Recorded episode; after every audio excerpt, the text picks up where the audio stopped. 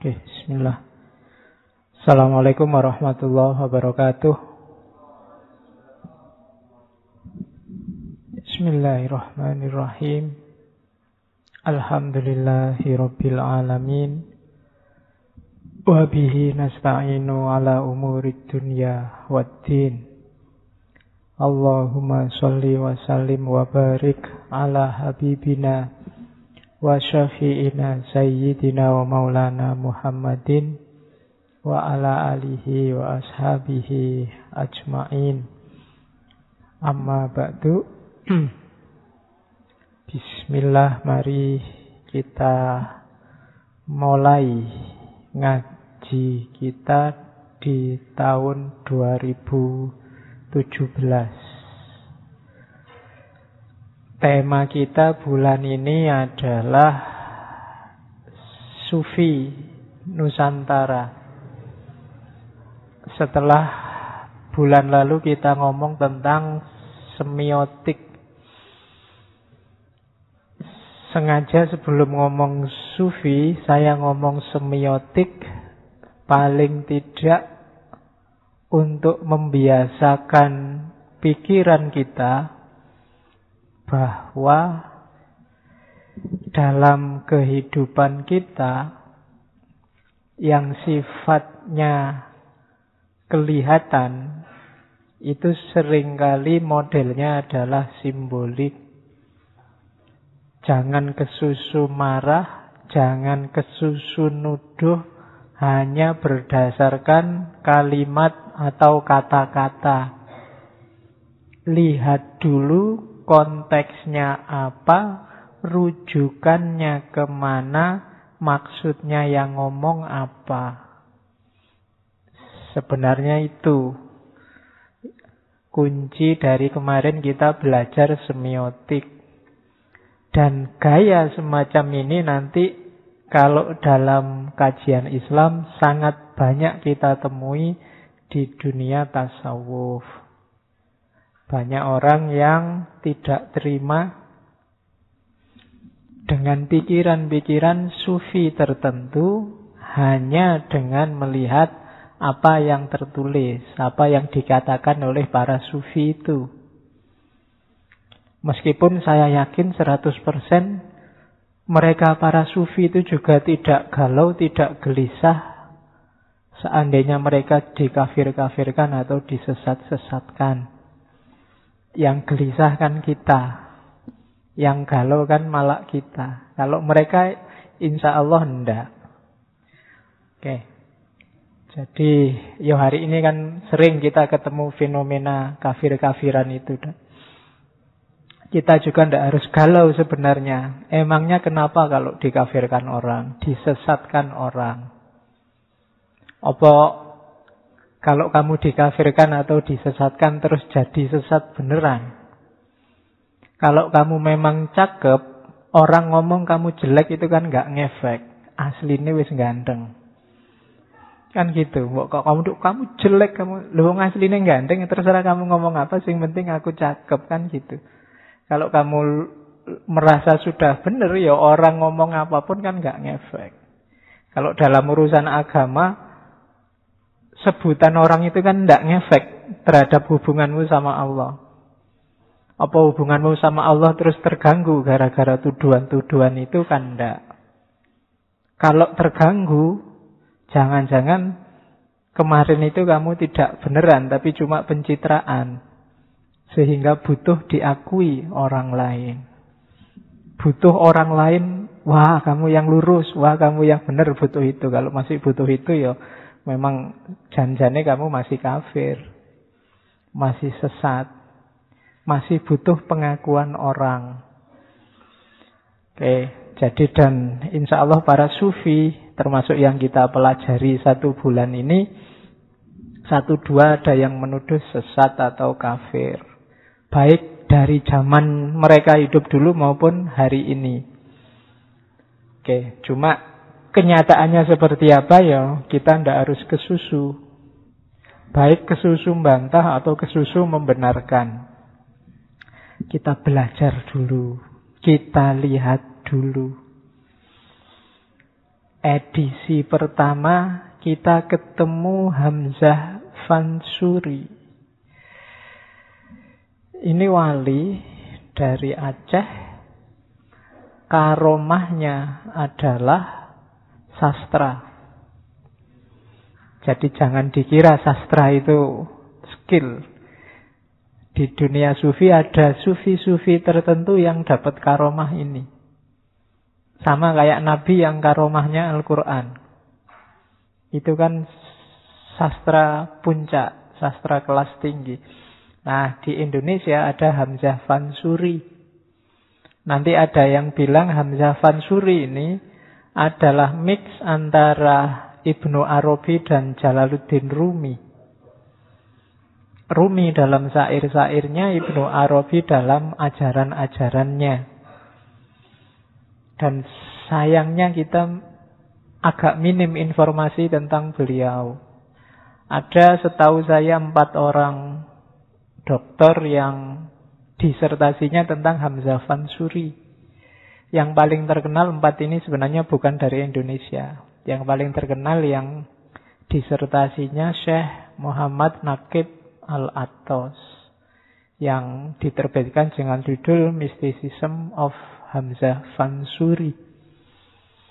Oke, di Indonesia sendiri saya tidak tahu mungkin karena pengaruh entah ya pengaruhnya apa ya kok tidak terlalu populer.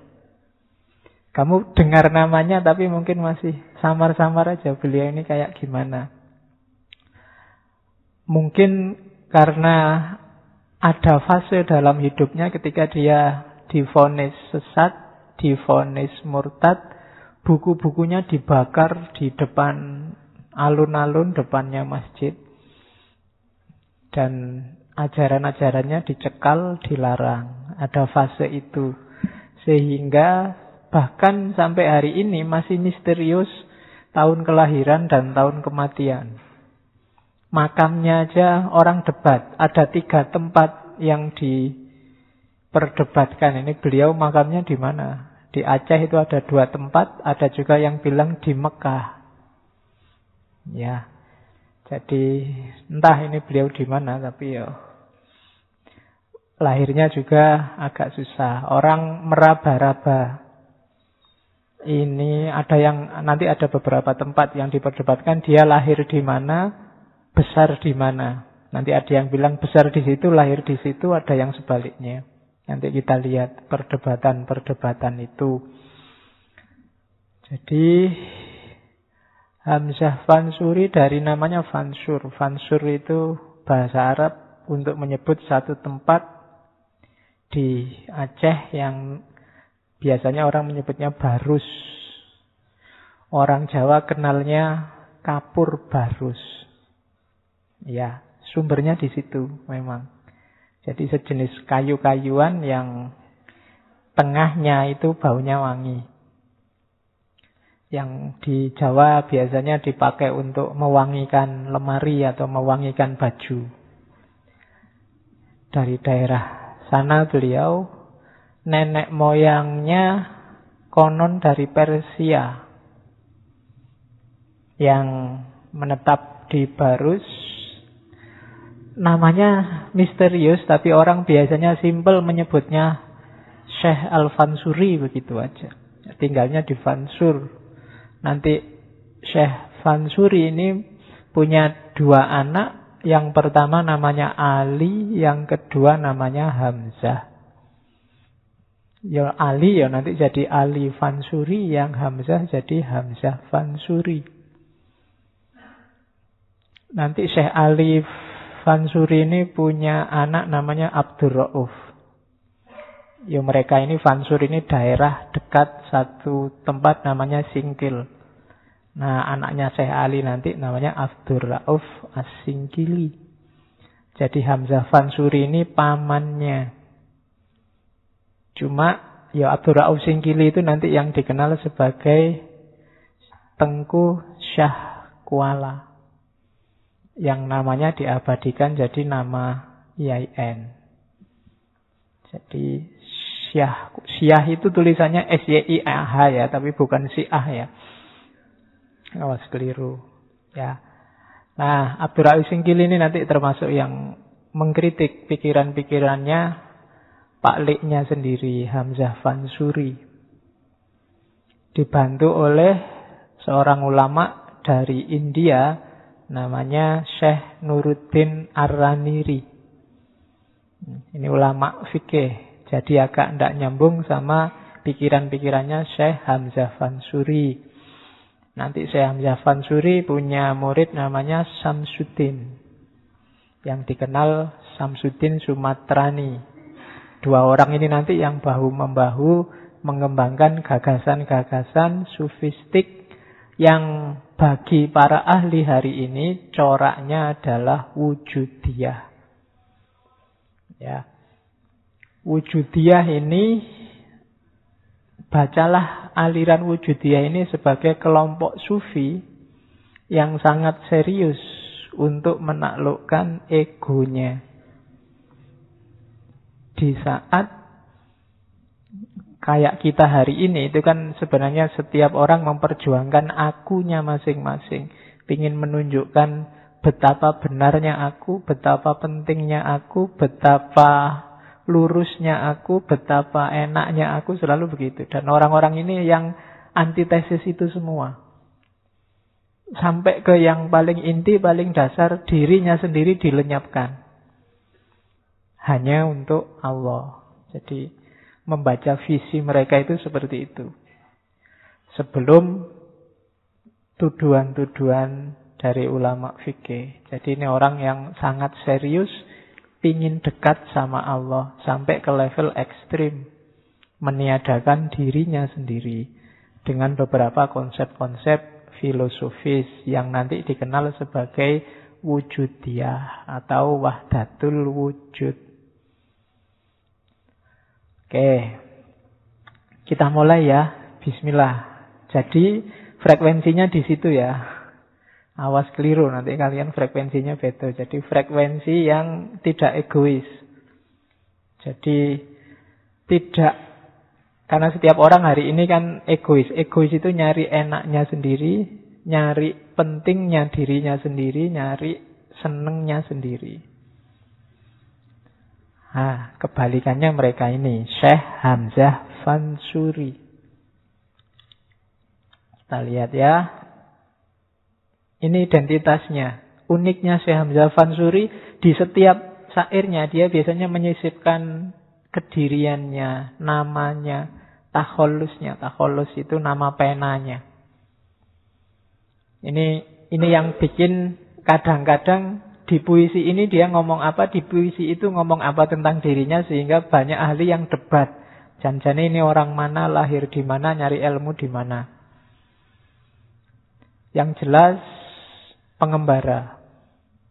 Menjelajah sampai ke mana-mana, sampai Mekah, Madinah jelas, Irak iya, Yerusalem iya, Timur Tengah dijelajahi, Jawa juga nanti banyak puisi-puisinya pakai bahasa Jawa. Di puisi-puisinya itu nanti tersisip ada bahasa Jawa, ada bahasa Persia, ada bahasa Urdu, ada bahasa Arab, Al-Quran, yang tidak ada bahasa Inggris. Zaman itu mungkin belum ada TOEFL, jadi ya coba ngerti mungkin saya Javan Suri mungkin ikut kursus belajar terus bikin puisi yang ada Inggrisnya. Tapi tidak ada, jadi pakai bahasa-bahasa itu. Makanya nanti dia bisa menjelajah banyak sekali referensi Arab, referensi Persia, referensi bahasa Urdu termasuk Jawa. Ya bahasa ibunya ya karena dari sana pastinya ya bahasa Melayu. Oke, itu yang kita tahu tentang identitasnya yang misterius. Di antara puisinya ada Hamzah Nin, asalnya Fansuri. Pen, apa dia pelopor syair yang terkenal namanya syair Melayu. Syair Melayu itu mirip kayak rubaiyat kalau dari Persi. Syair Melayu itu rimanya a a a a. A semua. Agak agak beda dikit sama rubaiyatnya. Kalau Persi misalnya Omar Khayyam. Omar Khayyam itu rimanya tidak a semua tapi a A, B, A. Terus lagi A, A, B, A. Begitu terus. Tapi kalau Hamzah Fansuri ini A semua. Makanya akhir katanya sama semua. Jadi itu enak kalau dibikin lagu. I, I semua. A, A semua. U ya U semua. Hamzah Nin asalnya Fansuri mendapat wujud di tanah Nawi beroleh khilafat ilmu yang ali dari abad Abdul Qadir Jailani. Asalnya Fansuri. Saya tadi ya dari Barus. Pakai istilah Fansur. Terus ya mendapat wujud di tanah Syahrnawi. Ini yang bikin orang debat. Dia itu lahirnya di Barus apa di Syahrnawi. Syahrnawi ini Siam. Satu daerah di Siam bukan Syam ya. Siam itu Thailand. Kalau Syam kan daerah Suriah dan sekitarnya termasuk Palestina yang nanti di situ ada hadis-hadis yang sekarang laku bahwa kiamat akan dimulai dari sana. Mungkin sekarang sudah mulai. Ya, daerah Syam. Nanti ada huru hara di sana terus dari situlah gongnya kiamat. Malaikat Israfil meniupkan trompetnya. Om telolet itu sekarang. Ya. Jadi ini fase-fase kiamat jadi kita harus jangan-jangan itu. Ya, ya Ya kamu membahasakan trompet itu kan ya kan letter aja. Jadi seolah-olah sekarang malaikat Israfil itu pegang trompet. Terus kapan-kapan ditiup. Jadi setiap kali ada kan kemarin ada kasus suara di lembah-lembah itu kayak trompet. Wah, ini malaikat Israfil. Itu cara berpikir materialistik. Jadi trompet ya trompet. Kalau jembatan Sirotol Mustaqim ya jembatan beneran timbangan ya gambar timbangan kan begitu. Itu cara berpikir apa iya besok ditiup beneran ya kita tidak tahu. Niup itu sifatnya metafor apa kayak simbol. Jadi niup itu kayak mukul gong itu kan juga simbol. Kayak sepak bola prit prit tiga kali dimulai, prit prit tiga kali diakhiri. Itu kan sifatnya simbolik, permulaan dan akhir. Ya membacanya jangan deso terus trompet beneran besar trompetnya itu kalau ditiup ngono ya. Itu tahun baru namanya bukan kiamat. Ya, kemarin kan sudah belajar semiotik, jadi cara membaca idiom-idiomnya ya semoga tidak lagi deso. Oke. Ya kan banyak yang terjadi Sarnawi itu Siam Satu daerah di Siam Itu yang banyak yang debat Dia lahir di Siam, besar di Barus Atau lahir di Barus, besar di Siam Kalau ilmu Dapat dari mana-mana jelas Terus Beroleh ilmu yang ahli Maksudnya tasawuf Dan sempat bayat ke Torekot Kodiriyah Meskipun kelihatannya tidak hanya itu satu-satunya, tapi yang resmi kelihatannya tidak tidak harus begitu. Mungkin karena memang torikot kodiriyah ini kan fleksibel. Torekot kodiriyah itu kalau ada jamaah yang makomnya tinggi, levelnya syekh sudah tinggi, bisa memodifikasi ajaran torekotnya. Bahkan bisa bikin torekot sendiri yang baru. Itu torekot kodiriyah. Makanya salah seorang tokoh kita yang sempat jadi imam Masjidil Haram, Syekh Khotib Sambas, itu kan beliau juga dibayar di Torekot Qadiriyah. Kemudian di mix sama Naksabandiyah karena saat itu di di Mekah Madinah hidup juga Torekot Naksabandiyah, berdirilah Torekot Qadiriyah Naksabandiyah. Itu itu karena memang Torekot Qadiriyah ini fleksibel. Meskipun orientasi ajarannya, ritualnya dikit-dikit ada beda. Tapi mungkin karena karena orang sudah makomnya mursid itu kan sudah bisa memodifikasi sesuai kebutuhan murid-muridnya. Mungkin Syekh Ahmad Khotib Sambas ini melihat Indonesia butuh itu, butuh gaya-gaya torekot yang mix antara Qodiria dan Naksabandiyah. Dan itu sah kalau menurut torekot Qadiriyah. Makanya Syekh Hamzah Fansuri nanti ajaran-ajarannya mungkin mix beberapa kelihatan dia baca Ibnu Arabi, baca Al-Jili, Ghazali juga kelihatan di situ, di pikiran-pikirannya.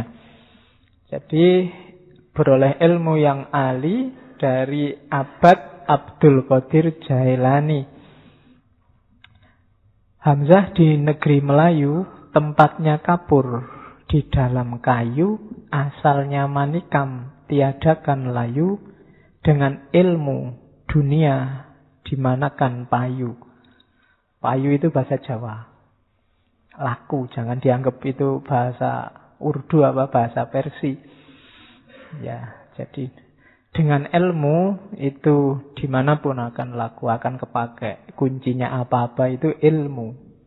Makanya istilahnya dengan ilmu dimanakan payu. Terus ini baitnya yang paling terkenal. Hamzah Fansuri di dalam Mekah mencapai Tuhan di Baitul Ka'bah. Nanti mencapai itu ada yang bilang mencari.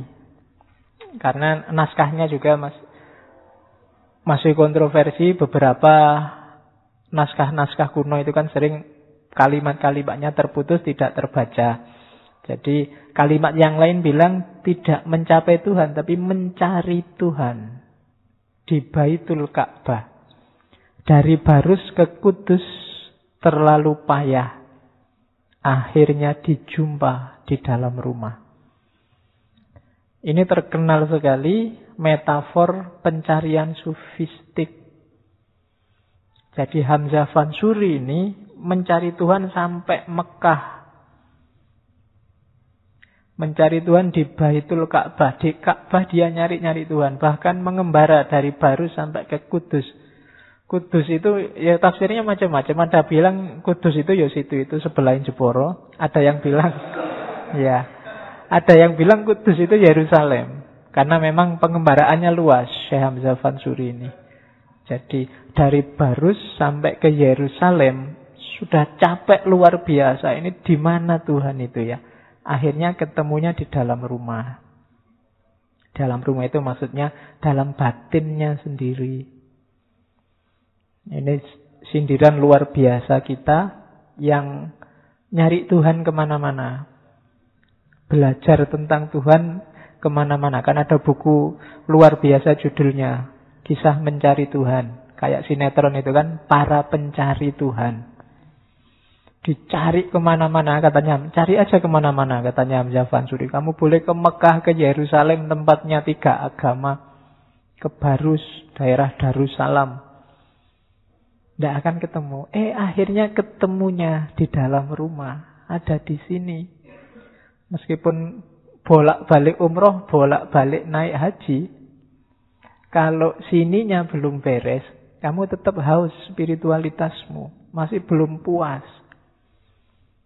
Tanyalah orang yang bolak-balik umroh, bolak-balik haji, mesti pingin ke sana lagi. Karena waktu di sana mungkin batinnya beres, dia bisa akrab sama Allah. Tapi begitu pulang, jauh lagi, pingin ke sana lagi. Sebenarnya kuncinya tidak di kemekahnya yang bolak-balik, tapi temui saja Tuhan di dalam batinmu, dalam hatimu. Akrablah terus menerus sama dia. Dia ada kok. Siap diajak ngobrol anytime. Kalau kamu kesepian, ndak harus nyari temenmu, bikin isu di WA biar rame. Ya, ajak ngobrol Tuhan yang ada di batinmu. Ya kan? Berkeluh kesalah. Kalau ingin mengeluh, mengeluh ke dia. Dia yang paling siap menampung segala keluhanmu. Ndak usah payah, ndak usah capek nyari ke mana-mana. Itu yang terkenal.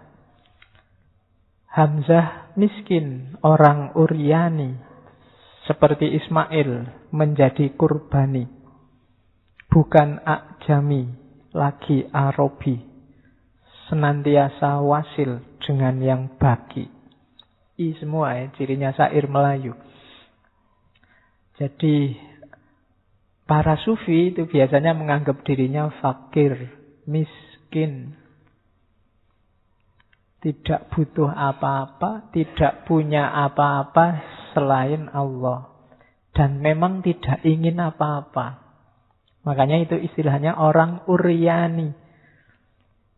Urian itu telanjang. Jadi murni, tidak punya apa-apa, jernih menghadap Allah. Dunia dan segala isinya yang lain sifatnya hanya atribut kayak baju tempelan, tidak penting. Jadi orang telanjang seperti Ismail menjadi kurbani. Sebagaimana Nabi Ismail yang dikorbankan oleh Ibrahim demi Allah. Ini juga ada yang bilang ini sindiran terhadap dirinya sendiri yang dianggap sesat oleh ulama istana saat itu yaitu Syekh Nuruddin Ar-Ramiri. Jadi beliau ini hidupnya sekitar akhir abad 16, awal abad 17. Saat itu sultannya Syekh Alauddin Riayat Sah. Oke. Terus bukan Ajami lagi Arabi. Jadi sudah tidak penting lagi identitas geografis. Kamu orang mana? Orang Jawa apa orang Arab, pribumi apa Habib apa orang Cina apa orang tidak penting lagi. Di hadapan Allah itu Uryani, telanjang. Jadi jangan ketipu oleh atribut. Kamu orang Indonesia apa orang bule apa orang Tiongkok Cina yang kamu benci itu hari ini apa orang Madura, apa orang mana, itu tidak penting semua. Kita di hadapan Tuhan Urian. Tujuannya apa terakhir? Senantiasa wasil dengan yang bagi. Kalau kamu sudah Urian, kamu bisa terus nyambung sama Allah. Allahu Somad. Hanya Allah tempat bergantung yang diinginkan. Tidak ada yang lain. Jadi bukan jami lagi arobi, senantiasa wasil dengan yang bagi. Nyambung terus dengan Allah yang bakok. Nah, ini pengantar untuk kenal sejenis inilah nanti pikiran-pikirannya Hamzah Fansuri. Kita lihat lagi. Sekarang cirinya. Sair Melayu. Ini aliran baru zaman itu. Makanya tadi saya bilang di antara karomahnya Syekh Hamzah Fansuri adalah sastra. Oleh Allah diberi keistimewaan sastra. Dan jangan salah loh. Wali-wali Allah yang mendapat tugas untuk menceritakan pengalaman mistiknya demi agar banyak orang jatuh cinta juga sama Allah, itu bebannya dua kali lipat dibandingkan wali-wali Allah yang tersembunyi. Godaannya double. Wali yang tidak kenal dirinya wali itu enteng. Tapi wali yang diberitahu ngerti dirinya wali dan harus mendapat tugas untuk ceritakan pengalaman spiritualnya itu bebannya double, ujiannya double. Karena dia harus perang melawan egonya sendiri. Ngerti aku wali itu kan abot. Kalau kamu wali tapi nggak ngerti kamu wali kan enak, mengalir saja. Begitu kamu ngerti dirimu wali, wah susah itu. Kamu keluar dari masjid, wali. Abot, nggak iso. Tapi saat itu juga anjlok makomu begitu kamu merasa bahwa aku ini wali. Itu kan yang dulu ceritanya Abu Yazid Bustami sampai dia nangis-nangis di depan Allah gara-gara seekor anjing. Jadi satu ketika tiba-tiba dia jalan ada anjing cuis lari mau nabrak deh kan terus dia mundur jubahnya diangkat anjingnya tersinggung. iya, ada anjing kok bisa tersinggung ya. Terus dia marah pada Bu Yazid. Eh, Bu Yazid, kamu melecehkan aku ya? Kamu anggap aku makhluk rendah ya? Wong anjing ya? Yo, kalau di sini kan ndak mati wae untung. Di situ anjingnya bisa komplain.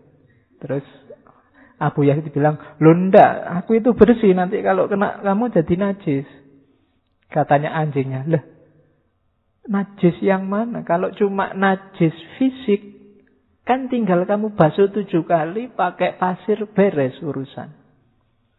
Kalau kamu anggap najis itu urusan batin, katanya kamu sufi. Oh itu dari situ Abu Yazid menyesal luar biasa. Terus ya sudah aku minta maaf, ayo sekarang kita jalan bareng. Sekarang anjingnya yang tidak mau. Ya.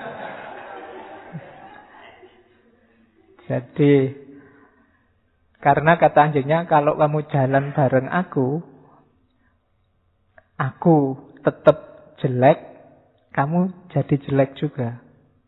Namamu juga jatuh juga. Dan kalau levelmu kayak tadi, ayo levelku lebih tinggi, jadi tidak mau aku deket-deket sama kamu. Oh itu anjingnya begitu. Jadi diajak jalan bareng aja nggak mau.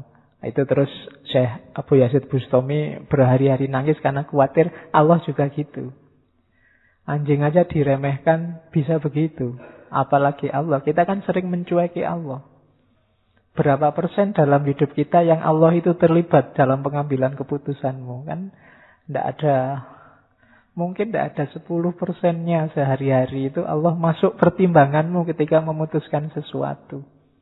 Biasanya ya Egomu yang bunyi duluan. Keinginanmu, hasratmu, cita-citamu, ideologimu, kelompokmu kan itu. Oke. Nah, ini yang saya bilang tadi, perjuangan beratnya Hamzah Fansuri. Sampai nanti dia disalahpahami, kitab-kitabnya dibakar di depan Masjid Aceh. Yang pertama biasanya ciri sair-sairnya adalah pencarian diri dan kesadaran diri. Ini tahap pertama makom paling awal yang ada di semua sufi adalah mengenali diri. Hakikat hidup kita itu apa sih? Sampai ada kesadaran diri, begitu sadar terus masuklah ke gerbang pertama dunia sufi yang namanya taubat. Sebelum ada kesadaran diri, taubat ini biasanya masih formalitas. Formalitas itu ya istighfar, ya menyesal, tapi besok diulang lagi. Karena tidak ada fondasinya. Fondasi taubat yang kuat itu kesadaran. Kalau sudah kesadaran, itu biasanya lebih kuat. Menyesal ya menyesal beneran. Sama kayak kamu disuruh belajar. Belajar itu kalau lahir dari kesadaran, tidak ada yang nyuruh pun kamu belajar dan continue istiqomah. Tapi kalau dipaksa belajar, ya belajar. Tapi kalau mungkin sebaiknya tidak usah belajar. Karena apa? Tidak diawali dari kesadaran. Nah, dunia sufistik itu biasanya awalnya ini. Pencarian terus melahirkan kesadaran baru masuk ke suluk. Suluk itu nanti paling awal hampir semua bilang taubat. Kalau di Ghazali taubat itu bisa di awal, bisa di tengah, di akhir-akhir terus di bolan baleni. Karena memang manusia sering lupa, sering jatuh makomnya. Jadi isinya sairnya Hamzah Fansuri itu penekanan pada pencarian dan kesadaran. Bahkan nanti banyak sekali syair yang saya bilang tadi takholusnya muncul pakai namanya biasanya Hamzah yang fakir, Hamzah yang horib, Hamzah dan seterusnya. Itu penemuan diri, hasil penemuan dan kesadaran diri. Terus yang pertama itu. Yang kedua kebebasan mengekspresikan pengalaman. Jadi Kayak di Ibnu Arabi dulu waktu kita ngomong kebebasan, dunia sufi itu salah satu kajian Islam yang fokus pada kebebasan. Kebebasan itu bisa dua makna. bebas dari ikatan duniawi. Yang kedua, bebas mengekspresikan pengalaman pribadi, pengalaman rohani. Tidak takut misalnya dituduh sesat, tidak takut dianggap kafir, tidak takut dianggap nyeleweng. Itu rata-rata pikiran-pikirannya para sufi. Jadi kalau kita kan takut Mas Ian, kelihatan. Meskipun bilangnya ah tidak peduli, tapi jane kelihatan. Ciri paling gampang kenapa saya bilang kalian takut dikafirkan adalah sebagian kita bilang cuek terhadap orang mau bilang kafir apa enggak. Kalau pakai bahasanya Freud, cuek itu adalah mekanisme pelarian diri. Mas kok sampai semester 7 masih jomblo? Ah, enggak tak pikir cuek aja. Itu sebenarnya pelarian diri. Bukan nggak dipikir, cuma dicari-cari, nggak intuk-intuk, is ben lah. Nah, itu mekanisme pelarian diri. Kamu keluar dari problem takfir ini kan susah, terus akhirnya ah cuek aja, dikafirkan orang ya cuek aja. Itu mekanisme pelarian diri. Padahal kalau dalam Islam ya jangan kalau ada orang mengingatkan kita, jangan dicuekin, ya diintrospeksi, dicek kayak kayak aku kafir tenanan, tak belajar lah, tak cek lagi deh pikiranku, jangan-jangan memang keliru kan itu. Termasuk reaktif. Reaktif itu juga termasuk jenis pertahanan diri. Orang-orang tidak mau disalahkan. Dan Islam tidak ngajarin itu pasti. Cuma hari ini banyak fenomena semacam itu. Jadi yang kedua ini, jadi bebas, tidak takut. Meskipun resikonya kadang fatal. Kemarin waktu kita di sesi Al-Halad, di sesi-sesi Tijenar, di sesi beberapa sufi itu kan resikonya fatal. Dia harus berhadapan dengan penguasa, berhadapan dengan pikiran-pikiran mainstream yang ada saat itu. Oke, jadi yang kedua cirinya itu. Termasuk nanti ya Hamzah Fansuri, dia berhadapan dengan kekuasaan saat itu, sehingga gagasan-gagasannya dihapus, buku-bukunya dibakari semua. Cuma ya mungkin seizin Allah masih ada yang selamat beberapa khususnya dari murid-muridnya. Samsudin Sumatrani dan kawan-kawan. Sampai ke silsilah ke bawah beberapa masih ada teks yang selamat. Yang sekarang bisa kita akses. Terus ya bebas mengekspresikan pengalaman mistiknya pengalaman ya, bukan pengetahuan. Dunia sufi itu porosnya tidak pada pengetahuan sufistik. Pengetahuan tasawufmu bisa tinggi luar biasa, tapi kamu tidak punya pengalaman. Jadi profesor tasawuf itu tidak serta-merta dia sufi. Teori tasawuf apa aja dia ngerti. Tapi bukan sufi, itu mungkin. Karena kalau sufi itu adanya di pengalaman, berarti harus terjun. Secanggih apa pun teorimu tentang hubungan laki-laki dan perempuan, hanya berhenti teori kalau kamu sendiri nggak punya pacar. Bandingannya itu. Ya, kalau di dunia epistemologi sufi, ilmu huduri itu levelnya lebih tinggi daripada ilmu husuli. Ilmu yang dikejar. Ilmu huduri itu ilmunya hadir sendiri. Kenapa hadir? Dari pengalaman. Sama kayak bakul-bakul di pasar itu tidak pernah belajar matematika. Tapi kalau ngitung cepat itu ilmunya hadir. Kenapa? Dialami tiap hari. Pengalaman. Gitu. Orientalis itu ilmunya tentang Islam mungkin jauh lebih luas daripada kita. Tapi satu yang dia kurang pengalaman. Karena agama itu tidak sekedar pengetahuan, tapi dia pengalaman. Justru yang penting ada di pengalaman ini. Karena begitu salah paham, cara menjelaskan agamanya jadinya artifisial.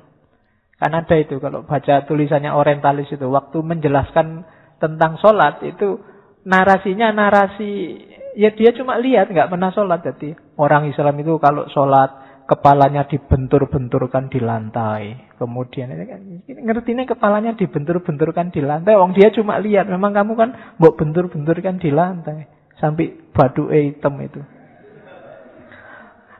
Itu kalau dilihat dari luar yang ngerti sholat kayak gimana yo ya yang sholat makanya Agama ndak bisa dijawab wis ngerti dan wis tahu. Harus nyampe ke level wis ngelakoni. Mas, kok ndak sholat? Ah, wis tahu, ndak iso. Iya. wis, pengalaman lah itu. Makanya sholatnya cepet wis tahu, wis apal. Ndak bisa. Jadi levelnya harus pengalaman. Dialami. Oke. Yang keempat biasanya ya karena karena susah dijelaskan ekspresinya pakai puisi. Kalimat-kalimat indah, puitik, tamsil-tamsil, simbol-simbol. Itulah mengapa minggu saya bilang bulan lalu kita bahas semiotik. Biar kalian nggak kaget nanti kalau membaca pikiran-pikiran mereka. Bahwa yang tersurat itu tidak bisa dimaknai apa adanya sifatnya simbolik, lihatlah yang dimaksud apa, rujukannya ke mana. Lampu merah itu kalau cuma dibaca lampu yang warnanya merah, kamu akan salah paham. Wong itu ada maksudnya berhenti. Sama kayak puisi. Makanya tokoh-tokoh sufi itu banyak pakai media puisi. Karena kalau dijelaskan apa adanya, susah. Nikmatnya, asiknya, bersama Allah itu susah dijelaskan. Bisanya pakai simbol, pakai isyarat. Sama kalau kita jatuh cinta, bikin puisi kan pakai simbol. Biasanya kan simbolnya model eksploitasi alam. Jadi angin sepoi, itu kan eksploitasi alam terus. Belahlah dadaku, cintaku setinggi gunung. Pokoknya alam kabeh eksploitasi alam habis-habisan kalau sudah jatuh cinta itu. Nah para sufi juga begitu. Susah menggambarkan ya pakai simbol-simbol. Nanti sair-sairnya Hamzah Fansuri itu judulnya macam-macam. Ada sair ikan tongkol ada sair perahu ada sair banyak macam-macam istilahnya lucu-lucu ada sair burung pinggai dan seterusnya sifatnya simbolik. Oke, kita lihat sekarang satu-satu ya pikirannya. Syarbul asikin. Prosanya. Kalau puisinya banyak, kita kita jelajahi sebentar karya-karya prosanya yang bisa diakses hari ini. Ini tulisan tasawuf Syarbul asikin. Syarbul asikin itu minuman mereka yang merindu. Asyik, asyik itu hatinya sedang jatuh cinta habis-habisan itu asyik. Kalau ada yang pingin mengkaji Hamzah Fansuri, di kitab inilah nanti ada ajaran Wahdatul Wujud. Lumayan lengkap. Di situ nanti akan kelihatan pengaruhnya Ibnu Arabi, pengaruhnya Sadruddin Al-Kunawi, muridnya Ibnu Arabi Abdul Karim Al-Jili, dan kawan-kawan. Kitab ini tujuh bab. Bab satu sampai bab empat itu suluk. Bab limanya tentang tajalli. Yang dari situ nanti bermuara ajaran wahdatul wujudnya. Bab keenam tentang sifat-sifat Allah. Bab ketujuh puncaknya yaitu ish dan syukur. Syukur bukan syukur ya. Syukur itu mabuk. Sakr. Jadi mabuk Allah. Kalau ish itu jatuh cinta sama Allah. Jadi puncaknya adalah tentang mabuk cinta. Setelah diawali dari suluk, Kemudian basis berpikirnya ada di bab 5. Kemudian Wahdatul wujudnya lima, kemudian tentang Allahnya sendiri di bab enam, dan puncak pengalaman ada di bab tujuh. Itu syarbul asikin. Jadi minuman para pecinta. Oke, kita minum dulu mumpung ngomong minuman. Ya.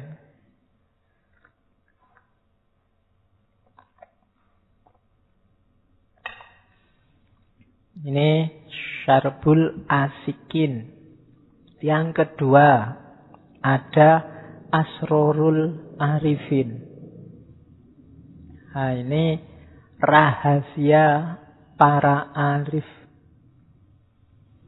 Di kita ada beda antara alim dan arif. Alim nanti jamaknya ulama, arif itu urofa. Nanti ada yang menafsirkan kalau alim itu ahli ilmu. Pengetahuan yang sifatnya husuli, dikejar. Fikih, kemudian IPS, IPA, matematika, itu ahlinya alim. Orangnya bisalah kita kasih atribut ulama. Tapi kalau arif itu urofa ilmunya namanya irfan. Itu harus diperoleh tadi dengan pengalaman. Makanya teman-teman kita di Syiah itu menyebutnya bidang mistik Islam itu bukan tasawuf, tapi irfan. Jadi pengetahuan yang sifatnya intuitif. Namanya irfan. Kalau tasawuf itu mereka memahaminya lebih ke torekot, gerakannya. Bukan ke pengetahuannya. Kalau diajarkan dalam dalam bentuk ilmu, itu namanya irfan, bukan tasawuf. Kalau tasawuf itu aktivitas dan gerakannya. Makanya kajiannya lebih mengarah ke torekot. Begitu ngomong tentang tasawuf. Oke. Yang jelas ada beda antara arifin sama alim. Alim ulama, arif urofa. Alim hubungannya sama ilmu, arif hubungannya sama irfan. Oke, ya nanti kalau kamu anaknya banyak ada yang dikasih nama alim, ada yang dikasih nama arif, biar pinter. Yang satu pinter ilmu husuli, yang satu pinter ilmu huduri. Yang tidak pinter bapaknya. Oke. Terus, ya, Asrarul Arifin itu di situ kelihatan saya membacanya bau-bau tasawuf sunninya kelihatan. Ghazali ada, Iroki ada, Jami ada, Junaid Baghdadi ada. Yang jadi rujukan. Oke, itu kitabnya yang kedua. Al-Muntahi. Al-Muntahi itu paling tipis. Cuma kitab inilah nanti yang dijadikan alasan oleh Syekh dari Ranir India tadi, Syekh Nuruddin Ar-Raniri untuk menjatuhkan Syekh Hamzah Fansuri. Jadi ini isinya tiga masih ada hubungannya sama wahdatul wujud. Yang pertama, alam semesta sebagai tajalinya Allah. Yang kedua, tentang makrifat dan ahli makrifat dalam memahami alam semesta dan segala peristiwa. Kemudian bagaimana caranya orang melakukan suluk kembali pada Allah. Hidup kita itu kan innalillahi wa inna ilaihi. Dari Allah nanti kembali ke Allah. Pada akhirnya harus kembali ke Allah. Makanya hidup kita di dunia ini usahakan benar-benar akhirnya bisa kembali ke Allah. Kalau tidak, ya perjalanan kita berarti masih panjang. pada akhirnya tetap harus kembali ke Allah. Nanti dijelaskan di Al-Muntahi. Itu kitabnya yang ketiga. Masih banyak kitab-kitabnya yang lain khususnya dalam bentuk puisi. Yang bisa diakses mungkin yang rubaiyat. Ada rubaiyat Hamzah Fansuri. Kalau yang sair-sair itu rata-rata satu sair itu 13 sampai 21 bait. Dan makna sufinya luar biasa. Itu istimewanya para sufi Nusantara. Sairnya itu kalau dibaca biasa ya biasa aja. Tapi kalau dimaknai secara dalam dia bisa dalam luar biasa. Sama kayak nanti para sufi Jawa menciptakan lagu-lagu dolanan. Itu kan ya gundul-gundul pacur, lilir-ilir itu ya lagu anak-anak biasa aja. Dianggap biasa ya biasa, tapi kalau mau dimaknai dalam isyarat-isyarat filosofis ketuhanan yang dalam ada di situ. Oke, itu Al-Muntahi. Sekarang kita lihat ideologinya dari kitab-kitab tadi. Saya banyak dibantu oleh Syekh Nakib Al-Atos dari Mysticism of Hamzah Fansuri disertasinya. Oke. Ada, saya bilang tadi, para sufi selalu pakai tamsil. Yang pertama, tamsil matahari. Tamsil matahari itu penjelasannya simple. Wahdatul wujudnya Ibnu Arabi ya, cuma untuk menjelaskannya pakai matahari. Alam semesta dan makhluk itu sinarnya. Allah itu mataharinya. Sinar matahari dan matahari itu disebut sama ya bisa, Disebut beda ya bisa. Disebut sama ya tidak pas juga. Disebut beda ya tidak pas juga. Itu susah ya. Ini antara tasbih sama tanzih. Gabung jadi satu. Sinar matahari itu kan kalau nggak ada matahari ya nggak ada sinarnya. Dia sesuatu yang berbeda dengan matahari. Tapi disebut beda juga. Enggak, wong matahari itu jadi matahari ketika dia ada sinarnya. Ya, mikirnya bulat ini. Kamu nanti di kamar ya direnungkan. Matahari kalau tidak ada sinarnya, tidak bisa disebut matahari. Terus sinar ini tidak bisa dia disebut matahari. Tapi disebut bukan matahari, ya tidak bisa.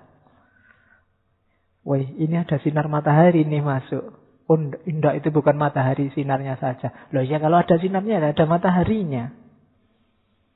Jadi disebut iya juga bisa, disebut tidak juga bisa. Itu tamsil yang pertama untuk menjelaskan wahdatul wujud. Allah itu pencipta. Cuma biar Allah ini sah jadi pencipta, kan harus ada ciptaannya. Allah itu penyayang. Biar dia valid penyayang, harus ada aktivitas menyayangi, ada yang disayangi. Makanya kan hadis Ana ana kanzun mahfiyun. Aku adalah khazanah tersembunyi. Fa'uridu an u'rofa. Aku ingin dikenali. Fakholaktul khalqa. Maka aku ciptakan makhluk. Biar ada yang mengenaliku. Aku bikin tulisan ah. Biar orang ngerti kalau aku itu pinter. Tulisan yang aku ciptakan. Itu ya aku dan ya bukan aku juga. Nah, itu ibaratnya makanya matahari. Cahaya matahari itu dia adalah matahari ketika menampilkan dirinya. Nah, itu nanti yang disebut tajali. Kalau tidak ada cahayanya, dia tidak bisa disebut matahari. Tapi cahayanya tidak bisa juga dia disebut matahari. Nah, itu tamsil matahari. Ibarat yang pertama. Jadi wajibul wujud plus tanzih. Jadi dalam wajibul wujud itu kan seolah-olah wajibul wujud itu semua Tuhan, tapi di situ sebenarnya include tanzih. Tanzih itu menyucikan Allah dari semua yang bukan Allah. Ternyata semua yang bukan Allah itu tidak ada. Yang ada sebenarnya hanya Allah. Dari situ terus ada konotasi tanzih. Jadi wajibul wujud itu tidak menganggap semua Tuhan, tapi semua tidak ada, yang ada hanya Tuhan. Ini agak beda ya. Meng, ya bagi banyak orang secara simpel semuanya Tuhan. Tapi maksudnya para sufi itu semua itu tidak ada, semua hanya mungkin ada. Satu-satunya yang ada hanya Tuhan. Jadi ada beda titik tekan. Jadi antara semua Tuhan dengan semua tidak ada kecuali Tuhan. Oke, jadi itu tamsil yang pertama untuk menjelaskan wahdatul wujud. Tamsil matahari. Tamsil yang kedua di naskahnya Hamzah Fangsuri tanah liat. Ya karena zaman itu mungkin belum ada gelas kayak gini, belum ada tempat-tempat untuk makan yang bagus-bagus pakai keramik itu adanya tanah liat. Tanah liat itu kan yang dibikin kendi, dibikin gelas zaman dulu, dibikin piring, dibikin cowek, dibikin macam-macam. Nah, tanah liat itu seolah-olah misalnya kamu lihat tanah liat dalam bentuk kendi. Yang kamu lihat kan kendinya. Yang itu beda sama gelas. Sama-sama dari tanah liat. Sekarang gelas ini kamu yang ini kamu sebut gelas, yang ini kamu sebut kendi. Kenapa? Kamu hanya menyebut luarnya saja. Bentuknya saja. Padahal kalau kamu mau coba lihatlah isinya. Hakikatnya. Hakikatnya apa? Sama tanah liat. Nah, alam semesta itu seperti kayak kain ini loh. Ini kan kain. Kain ini hakikatnya kain. Tapi kan kamu tidak melihat hakikatnya. Melihat, oh ini baju pak. Ini celana, itu jaket, itu sarung. Hakikatnya satu. Tanah li eh tanah liat kain. Jadi podo-podo kain nih. Jangan, meskipun itu celana dalam, kamu jejer sama apalah, sama surban. Surban itu kan sakral, kalau celana dalam itu kan tidak menurutmu. Tapi itu Podo, hakikatnya sama. Hakikatnya apa? Kain. Nah, kalau kamu lihat hakikat, kamu akan lihat kesamaannya. Kalau kamu lihat tampilannya, ya kamu lihat bedanya. Padahal sumbernya sama. Ahok sama Habib Rizik itu kan kayak tidak bisa disatukan air dan minyak. Kalau kamu lihat tampilannya, coba amati hakikatnya podo. Itu kan katanya orang-orang humanis kan gitu. Podo menung sane. Sama-sama butuh makan. Sama-sama butuh minum. Hanya hari ini kamu lihat dalam konteks tawurannya saja. Kalau kamu mau masuk ke dalam, hakikatnya podo-podo menung sane. Nah, alam semesta hubungannya sama Allah itu begitu. Allah itu menampakkan diri, itu kan menampakkan diri kayak matahari ngasih sinar.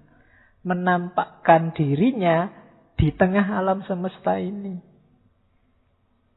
Jadi kayak tanah dalam bentuk kendi, tanah dalam bentuk kan keramik itu sekarang ada yang dibuat piring, tapi keramik yang sama ada yang dipakai buat WC. Bahannya sama keramik. Yang bikin kamu kaget kan cuma bentuknya. Hakikatnya sama. Makanya saya lupa di TV kemarin yang ada restoran terus tempat-tempat itunya kan dari WC itu kan bahannya. Waktu diwawancara yang punya warung, ah ini kan sama saja, cuma tempatnya aja bentuknya WC. Cuma kamu kan nggak membayangkan ngambil sayur dari situ terus dimakan. Rada ngeri mocone. Melihatnya kan ngeri, tapi ini kan bentuknya sama aja. Gitu loh. Jangankan itu ya, Superman aja pakai celana dalam di luar, kamu kan ribut. Celana dalam kok di luar, celana dalam itu. Padahal itu ya cuma kain aja, cuma estetikanya aja beda sama yang kamu pakai selama ini. Cuma di dalam dan di luar kita sudah ribut. Hakikatnya kan sama. Nutupi itu. Kan itu fungsinya celana dalam. Terbuat dari kain. Nah, orang banyak lihat yang tampilan. Melupakan hakikat. Padahal alam semesta ini katanya ideologi wahdatul wujud. Sama semuanya namanya tajalinya Allah. Pengejauhan tahannya Allah. Makanya nanti ada syairnya di belakang yang menjelaskan itu lebih detail lagi. Yang jelas itu tamsil kedua. Tadi pakai tamsil matahari, sekarang pakai tamsil tanah liat. Terus, tamsil yang ketiga, tamsil ombak. Itu ada syairnya. Jadi Tuhan kita itu seperti bahrul amik. Ombaknya penuh pada sekalian torik. Laut dan ombak keduanya rofik. Akhir ke dalamnya jua ombaknya horik. Itu uniknya Hamzah Fansuri. Kata-kata bahasa Jawa, bahasa Melayu, bahasa Arab. Bahkan nanti ada beberapa bahasa Persia dicampur. Untuk menghasilkan bait puisi yang enak didengar. Jadi ombak contohnya lagi. Laut sama ombak. Laut itu hakikatnya. Ombak itu hasil gerakannya laut. Tapi kamu coba pisahkanlah ombak sama laut. Tidak akan bisa. Bawa ke sini ombaknya, lautnya biarin aja. Misalnya kamu rekreasi nih barang tritis, yuk dibawa pulang ombaknya aja, lautnya biar ditinggal. Tidak iso. Karena ombak itu hakikatnya ya laut. Bahar, Tuhan itu kayak baharul amik. Lautan yang tak terukur, lautan yang tak bertepi. Ombaknya ketika dia bergerak, lautan yang tak bertepi itu lahir ombak. Jadi makhluk itu afalnya Allah. Jadi ya dia ya Allah. Kayak kemarin ya tak jelaskan meskipun penjelasannya agak kasar. Ketika awalnya dulu tidak ada apa-apa, yang ada kan cuma Allah. Saja, tidak ada apa-apa yang lain. Terus ada makhluk. Makhluk ini ketika dia lahir sumbernya dari mana? Ya pasti dari Allah juga. Tidak mungkin ada bahan di luar Allah. Kalau ada bahan yang lain selain Allah, pasti ada sesuatu di luar Allah yang dia ada menyamai Allah. Maka itu yang terus para filosof muslim awal, bahannya ya Allah juga. Dari situ lahir emanasi. Jadi alam semesta ini ya bahannya dari Allah. Wong dulu awalnya nggak ada apa-apa kayak. Lu manusia kan dari tanah, Pak. Lah ya, seandainya dari tanah, dulu tanah itu dari mana? Oh itu sudah ada. Allah kan tidak bisa. Zaman dulu tidak ada apa-apa sama sekali. Allah tok yang ada. Maka untuk lahir alam semesta, ya bahannya ya harus dicuilkan dari Allah. Apa dicuilkan itu? bahasa anunya ya kan emanasi bahasa farobinya. Emanasi itu kan melimpah kalau bahasa Jawanya deledek. Ya, mungkin ada yang ngerti deledek ya. Netes, luber, melimpah dari Allah. Dan kita memang pikiran kita itu agak materialis. Membayangkan melimpah itu kan bayanganmu terus air netes-netes gitu apa. Ketika saya ngomong kayak gini, itu kan ada pengetahuan yang melimpah. Tapi tidak materi kan. Ada, ada sesuatu yang keluar melimpah. Nah, alam semesta dulu juga begitu. Cuma memang kita dibekali, dibekali akal itu ada, ada koridornya yaitu koridor alam yang fisik sehingga menangkap periode fase-fase emanasi itu agak berat. Karena akal kita juga berarti munculnya di fase-fase terakhir. Memahami realitas lebih atas agak susah. Jadi ini kayak ombak. Ya ombak sama laut. Itu kan susah kamu misahnya. Ada orang nari, itu kan sama. Kamu mencoba tariannya aja diambil, penarinya suruh pulang. Tidak bisa. Gitu Jadi kayak ini ngaji filsafat sudahlah Pak Faiz suruh pulang aja biar filsafatnya aja yang ada di sini. Tidak bisa. Karena ini jadi satu. Nah, itu tamsil hubungan antara alam semesta dan Allah versi wahdatul wujudnya Hamzah Fansuri. Itu yang syairnya terus. Model emanasinya dalam tanda petik ya. Ada ta'ayun awal, ada ta'ayun sani, ada ta'ayun salis. Ini pelan-pelan menjelaskannya. Itu cuma syairnya aja. Penjelasannya di sini. Nanti kamu baca sendiri syairnya. Jadi Allah itu kanjun mahfiyun. Fase paling awal. Fase paling awal Allah dari level zat itu ada di martabat paling awal. Pikiran-pikirannya Hamzah Fansuri ini nanti oleh muridnya dikembangkan jadi namanya martabat tujuh. Nanti berpengaruh di beberapa sufi Jawa termasuk Ronggo Warsito yang menulis wirid Hidayat Jati. Jadi yang pertama martabat lata ayun. Lata ayun itu tidak sesuatu. Ini yang oleh Ibnu Arabi disebut negasi. Tidak bisa dijelaskan. Satu-satunya penjelasan yang memadai pakai model negasi. Tidak beranak, tidak diperanakkan. Tidak usah ditanyakan bidannya. Kemudian, ya, nanti kamu dianggap penistaan. Jadi pokoknya serba tidak. Tidak begini, tidak begitu, tidak Namanya level la ta'ayun. Allah dalam dirinya yang sejati. Jadi aslinya. Cuma kan Allah sendiri bilang, fa'uritu an u'rofa, aku pengen dikenali. Kalau kayak gini terus, tidak ada orang kenal aku. Maka diciptakanlah makhluk, termasuk sampai ke level bawah, termasuk kita ini, dan Allah memposisikan dirinya biar dikenali lewat perbuatan-perbuatannya. Yo, gambarannya memposisikan diri kayak kamu ngobrol sama adikmu yang umur 3 tahun apa 5 tahun. Ilmumu filsafat kelas tinggi, tapi berhadapan dengan adikmu yang umur 5 tahun, itu kan kamu harus menurunkan level.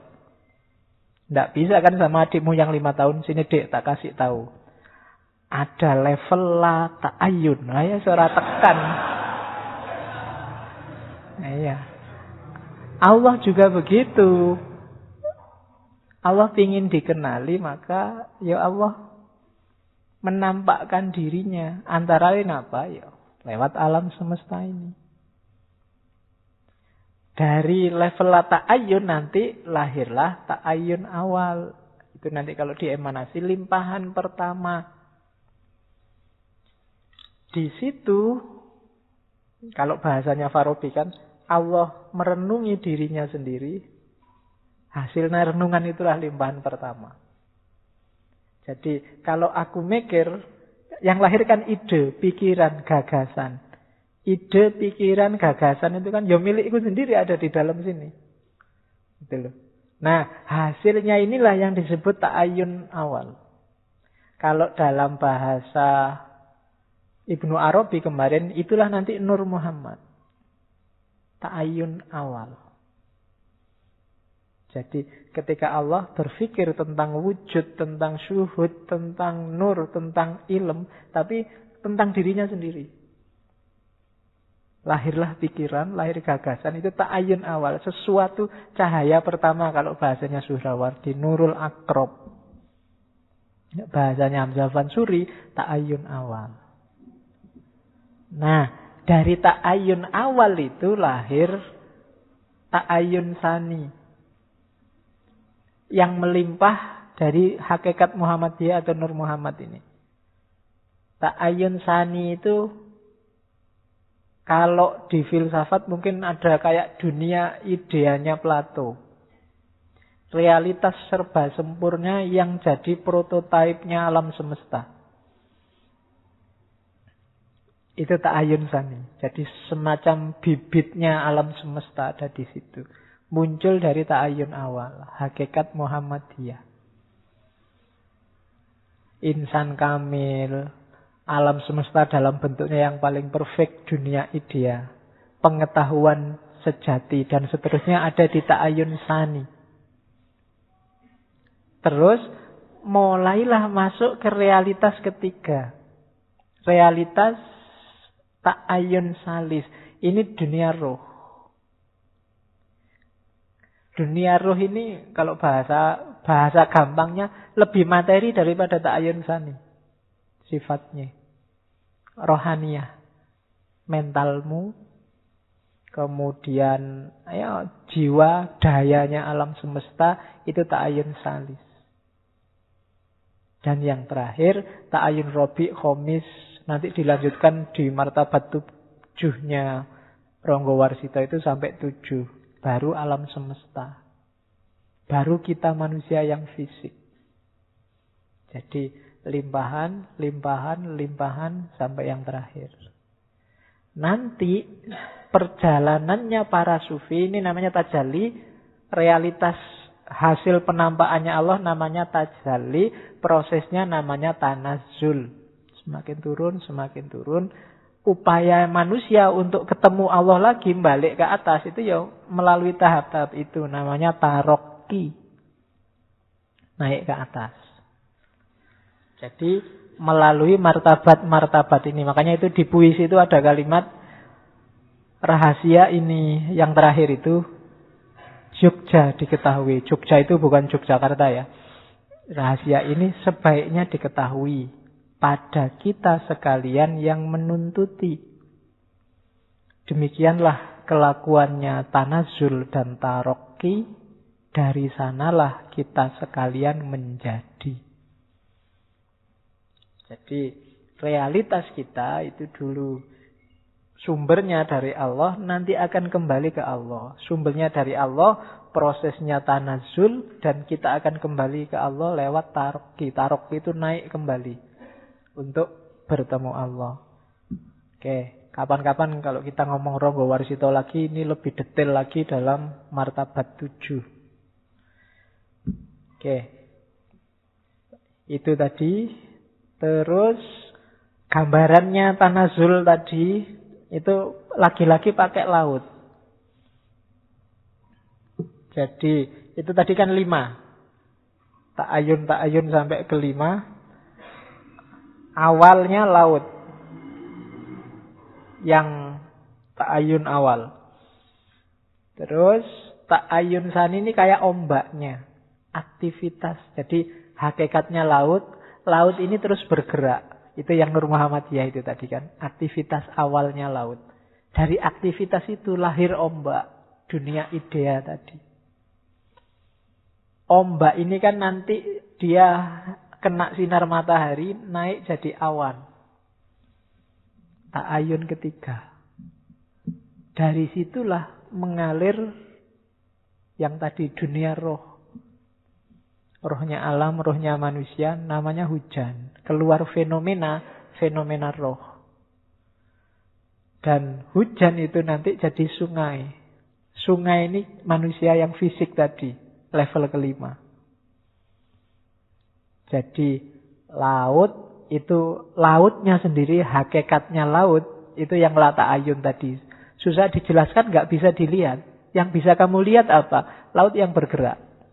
Yang sudah bergerak. Bentuknya geraknya laut itu apa? Ya ombak. Dan ombak ini nanti dia akan jadi awan. Sebelum jadi awan, dia tidak bisa lahir jadi hujan. Maka dia harus jadi awan dulu. Awan itu rohnya hujan, sumbernya hujan. Setelah ada hujan, baru jadi sungai yang fisik. Oh ini gambarannya. Jadi itu hakikat lautnya mana Pak? Tidak disebut. Karena hakikat laut nggak bisa kamu lihat. Yang bisa kamu lihat apa? Laut yang sudah bergerak. Namanya ombak. Tampaknya di matamu gerakannya laut itu ombak. Ombak ini nanti yang melahirkan awan. Awan inilah nanti sumbernya hujan. Dan dari hujan lahir sungai. Nah, jadi itulah Ta'ayun awal, sani, salis, robi, dan homis. Oke, jadi sumbernya laut. Ya mungkin karena daerah Aceh kan banyak lautnya. Jadi lebih merenung di pinggir laut ketemunya ini. Beda sama kita kalau nongkrong di laut nggak dapat apa-apa. Dapatnya capek karena kamu mandi. Nyusahin penjaga pantainya. Oke, jadi itu laut sebagai ibarat. Terus yang taroki tadi setelah jadi manusia kan naik level lagi. Namanya taroki. Insan kamil. Nah, di beberapa puisinya in, tentang insan kamil inilah kita bisa tahu ya Hamzah Fansuri ini memang dasar teorinya tentang alam semesta wahdatul wujud. Tapi tidak meninggalkan syariat. Ada banyak puisinya yang konotasinya ke sana. Jadi untuk taroki ilaihi rojiun kembali pada Allah, dia dia punya puisi itu. Syariat Muhammad ambilkan suluh. Ilmu hakikat yukja kau pertubuh. Nafsumu itu jukja kau bunuh makanya dapat sekalian luruh. Mencari dunia berkawan-kawan, oleh nafsu hobis engkau tertawan. Nafsumu itu Jogja kau lawan, makanya sampai engkau bangsawan. Mahbubmu itu tiada berhasil. Fa'aina matuwallu Jangan kau gofil. Fasamma wajhullah sempurna wasil. Inilah jalan orang kamil. Susah ya nyari kalimat yang sama-sama di akhir itu. Makanya tak bilang tadi ini agak pengetahuan intuitif mesti. Kalau cuma dicari-cari susah. Karena ini gabungan dari banyak bahasa. Jadi yang pertama kalau mau jadi insan kamil, syariat Muhammad ambilkan sulu. Ya pakai syariat, pakai Quran, pakai hadis. Jalanmu naik jangan ngawur. Untuk ketemu Allah sudah disediakan tangganya. Kalau sudah masuk ke syariat, nanti akan kenal hakikat. Ilmu hakikat, yukja kau bertubuh. Hakikat itu kenyataan yang sejati, kebenaran yang hakiki, yang bisa ditemukan kalau sudah menjalankan syariat. Jadi orang bilang, oh ini toh rahasianya, itu hakikat. Orang ngerti itu tidak bisa kalau cuma dari baca buku, diajari orang lain nggak bisa. Untuk sampai ke level O itu tadi harus dialami sendiri. Oh gini tuh ternyata rasanya kawin itu. Nah itu kan tidak bisa kamu cuma dari teori. Meskipun semua orang bilang itu enak, tidak bisa. Harus kamu alami langsung. Untuk bisa O itu dialami langsung. Kamu nggak bisa cuma berteori. Sholat itu bikin kita tenang. Sampai pernah sholat? Gak pernah. Tidak bisa teorimu masih masih berjarak, tidak akan ketemu hakikat. Syariat dulu baru ketemu hakikat. Caranya apa biar hakikatnya ketemu? Nafsunya harus dikalahkan. Jadi egomu kalahkan dulu. Kalau tidak begitu, ya syariat tadi kamu setir dengan ego. Ketika syariat disetir dengan ego, tidak akan ketemu hakikat.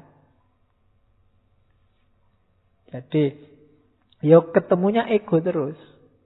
Untuk kepentingan kepentingan sementara. Kan ibadah kita sampai hari ini sebenarnya kan sebagian besar untuk kepentingan-kepentingan sementara. Mari kita sholat duha biar rezeki kita lancar. Mari kita kan selalu begitu untuk kepentingan-kepentingan sesaat. Sebenarnya itu kan Ya tidak salah, cuma itu dulu mungkin disampaikan biar kita tertarik sholat duha, biar kita tertarik sholat tahajud, biar kita untuk tidak berhenti di situ. Kayak adikmu yang kecil itu, kalau malas sholat kan kamu pakai iming-iming, ayo sholat. Nanti kalau sholat, tak kasih permen. Nanti kalau kamu sholat, tak beliin ini. Itu kan mungkin psikologi itu yang dimainkan dulu. Jadi, padahal ketemu Allah itu nikmatnya luar biasa daripada sekedar rezeki lancar, daripada sekedar dapat istri cantik, daripada sekedar kan kan doamu tiap hari kan itu ya Allah, ah ya Allah, ah. ah kamu ngincer kan mikirnya cuma nilai. Eman-eman seindah itu kamu ketemu Allah cuma minta nilai A. Ya kan? Ya Allah, kumlot, kumlot itu. Ya. Oke, jadi eman-eman itu masih ego. Bunuhlah egomu. Dalam Islam itu kan yang nomor satu bukan itu. Hakikat. Pahami hakikat itu eh ternyata itu toh intinya itulah hakikat. Berarti yang selainnya tidak penting. Terus mencari dunia berkawan-kawan oleh nafsu khobis engkau tertawan bareng-bareng nyari dunia dan kita hari ini disandra oleh ego, oleh hasrat yang jelek. Oleh hal-hal yang tidak penting. Kita akan tersandra itu hari ini. Energi kita sering habis untuk mungkin bahas, memperdebatkan, memperjuangkan hal-hal yang tidak kondusif untuk pertumbuhan spiritual kita. Oleh nafsu dunia engkau tertawan. Tertawan itu tidak bisa lepas. Di situ terus. Bulatnya di situ terus. Kalau bukan duit, ya jabatan, ya perempuan, ya pangkat, ya selalu bulat di situ terus. Tidak bisa keluar dari situ. Oleh nafsu hobis, engkau tertawan. Makanya nafsumu itu Jogja kau lawan. Lawanlah nafsumu itu kalau kamu menang, kamu akan jadi bangsawan. Bangsawan itu kan orang luhur. Derajatmu tinggi. Di tengah orang-orang yang sedang tertawan oleh egonya. Kalau kamu lepas dari situ, maka levelmu tinggi. Oke, jadi jalannya yang pertama syariat. Dari syariat temukanlah hakikat untuk bisa ketemu hakikat, taklukkan nafsumu. Itu jalannya insan kamil. Kalau sudah, maka hidupmu tinggal satu variabel saja, yaitu Allah. Allah itu mahbub kalau di situ mahbubmu tiada berhasil fa nama tuwalu jangan kau ghafil Fasama wajhullah sempurna wasil. Jadi cirinya sampai berhasil. Kalau belum ini tiada berhasil apa? Fa'aina matuwalu. Ke mana pun kamu melihat, ke mana pun kamu menghadap, jangan lupa. Kalau lupa berarti engkau gofil. Apa yang tidak boleh lupa? Fasama wajhullah. Kamu ketemu Allah di situ. Kalau sudah bisa begitu, sempurna wasil. Lihat apa pun, lihat siapa pun, kamu melihat kehadiran Allah di sana. Jadi fa'ina matuwalu fasama wajhullah ini kalau dalam dunia sufi bukan dalil kalau kamu bingung mana utara, mana selatan, ngadep mana aja sholatnya boleh. Bukan itu. Tapi fa'aina matuwallu fasama wajullah itu apa pun yang kamu lihat sadari kehadiran Allah di situ. Lihat ngaji. Allah hadir loh di sini. Sejak tadi kita omongkan kamu ketawa-ketawa membahas Allah, Allah ada di sini. Kamu lihat siapa pun, Allah ada. Kamu jalan-jalan di mall, ada Allah di situ. Kalau kamu sadar terus begini, kamu akan terjaga. Wasil. Tidak gampang ketipu, tidak gampang kepengaruh, karena fokusmu hanya pada Allah. Wasil. Ini ini kalau diomongkan enak, cuma dipraktekkan susah. Kalau kamu sukses nyampe level ini, itulah jalan insan kamil. Jadi lihat apa pun tidak kaget. Yang dilihat hanya Allah. Karena ada Allah di situ, karena alam semesta ini cerminan keberadaan Allah. Karena dulu memang segalanya tidak ada, hanya Allah yang ingin dikenali, maka dia memancarkan keberadaannya. Nah, itu insan kamil. Yes, kapan-kapan ini diulang-ulang rekamannya sampai kamu sadar. Ya, karena diprakteknya susah. Jadi fa'aina matuwallu fasamma wajhullah. Kamu tulis besar-besar di kamarmu. Apa pun yang dilihat, kamu lihat Allah. Lihat temanmu sak kos-kosan tidur, ada Allah di situ. Lihat cewek pakai rok mini, ada Allah di situ. Ya. Jadi, lo kalau kamu lihat ada Allah di situ kan nggak jadi nafsu. Oke, Alhamdulillah, Allah Maha Kuasa, Allahu Akbar. Nah, ini kan pikirannya selalu hadir Allah. Di mana-mana apa pun yang dilihat. Itu insan kamil. Cirinya cuma itu. Cuma untuk sampai ke situ, syariat dilewati, hakikat ditemukan, nafsunya ditaklukkan. Kalau masih nafsunya belum takluk, sama-sama lihat pakai rok mini tadi, Allah Akbarnya beda. Ya, jadi Begitu lihat rukmini, Allahu Akbar. Ah, itu kamu. Tapi kalau sudah di mana-mana lihat Allah, ya Allahu Akbar. Alhamdulillah, wassalatu wassalamu ala rasulillah, panjang. Sudah ayat semuanya jadi ayat Allah. Makanya kan sering saya bilang ayat Allah itu ada dua. Ada yang tertulis, ada yang tidak tertulis. Ayat-ayat Allah berarti apa? Bukti apa sih yang dibuktikan? Ayat itu kan bukti. Bukti adanya Allah. Membaca Al-Quran itu kan bukti kamu temukan Allah di situ. Membaca alam semesta juga begitu. Temukan adanya Allah di alam semesta. Bahkan dalam apa pun Allah ada di situ. Itu fasama wajhullah. Oke. Ini syair yang paling terkenal. Dulu saya SD juga sudah dikenalkan syair perahu ini. Inilah gerangan suatu madah, mengarangkan syair terlalu indah, membetuli jalan tempat berpindah, di sanalah iktikot, diperbaiki sudah. Ini maknanya gampang dicerna, kalimatnya pakai bahasa Melayunya simpel. Wahai muda, kenali dirimu, ialah perahu tamsil tubuhmu, tiada berapa lama hidupmu, ke akhirat jua kekal diammu. Titik-titik itu berarti saya loncati karena panjang. Ya, kalau tak tulis semua nanti jadi parade baca puisi. Ya. Ya, nanti kamu cari sendiri banyak. Di download gratis banyak syairnya. Lengkapkan pendarat, tali dan sauh. Deramu banyak bertemu musuh. Selebu rencam ombak pun cabuh. Jadi seribu hempasan ombak yang bikin kacau, yang bikin terancam kapalmu, perahumu, tidak masalah karena apa? La ilaha illallah akan tali yang teguh. Selama kamu tetap berpegangan pada la ilaha illallah, selamat. La ilaha illallah itu terlalu nyata. Tidak rumit. Bisa dipahami siapa pun yang mau. Tauhid makrifat semata-mata. Memandang yang gaib semuanya nyata, lenyapkan ke sana sekalian kita. La ilaha illallah tempat musyahadah. Menyatakan tauhid, jangan berubah. Sempurnakan jalan iman yang mudah, pertemuan dengan Tuhan selalu susah. Lakunya panjang, rumit, konsepnya simple.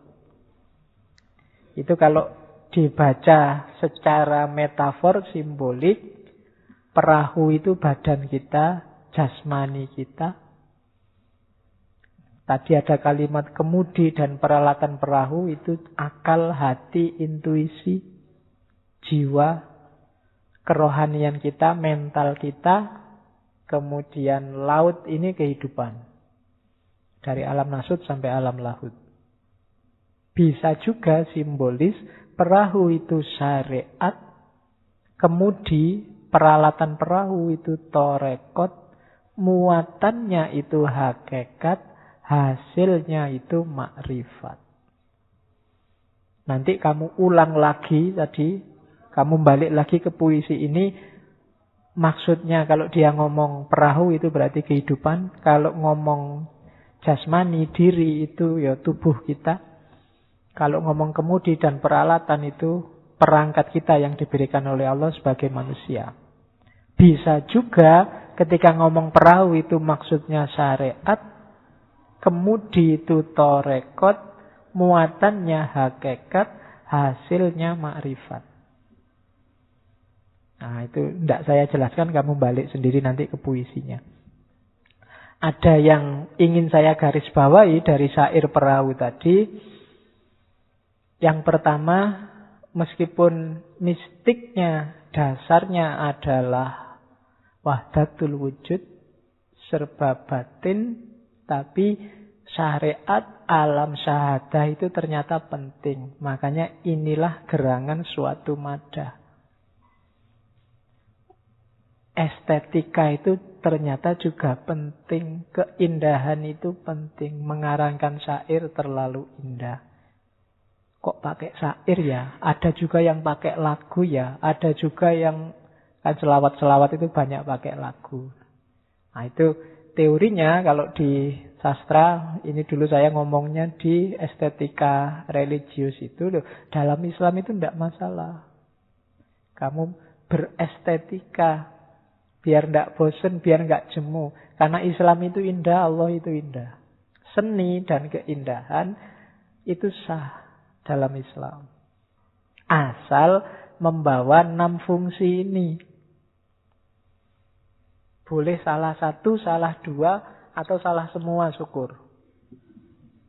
Ya, salah semua itu maksudnya ada semua. Yang pertama, ada unsur tawajudnya. Dari kata-kata wajud, temuan.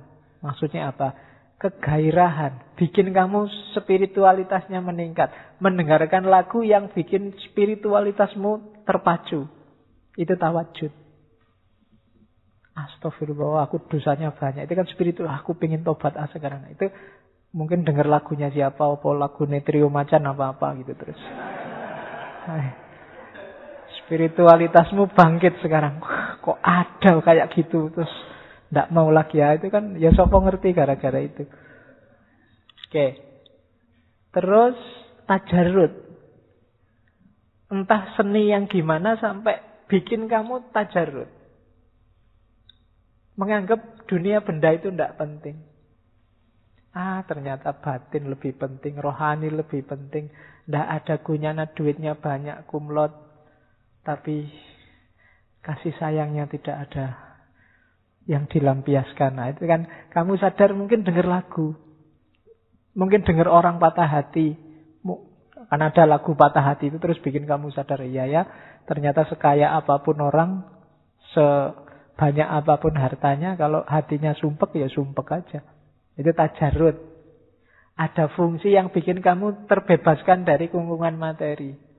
Seni apa pun. Terus tazkiyatun nafas Entah media seni apa, mungkin lagu, mungkin ceramah, mungkin musik, mungkin lukisan, mungkin apa yang tazkiyah, membersihkan diri, bikin kamu ndak tamak, bikin kamu ndak iri, bikin kamu ndak hasut, nah itu boleh kalau dalam Islam. Terus hikmah.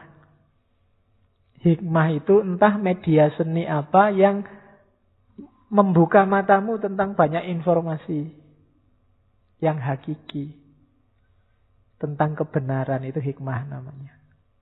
Setelah melihat lukisan ini, matamu terbuka bahwa wah ternyata kita itu kecil ya. Alam semesta ini begitu luasnya. Ah itu fungsi hikmah. Jadi musik seni boleh kalau bawa itu. Yang kelima dakwah. Kalau ini jelas ya ada fungsi dakwahnya. Nanti nyanyi ada ayatnya, terus kamu terpikat, itu fungsi dakwah. Dan yang terakhir paling tidak ada fungsi madah.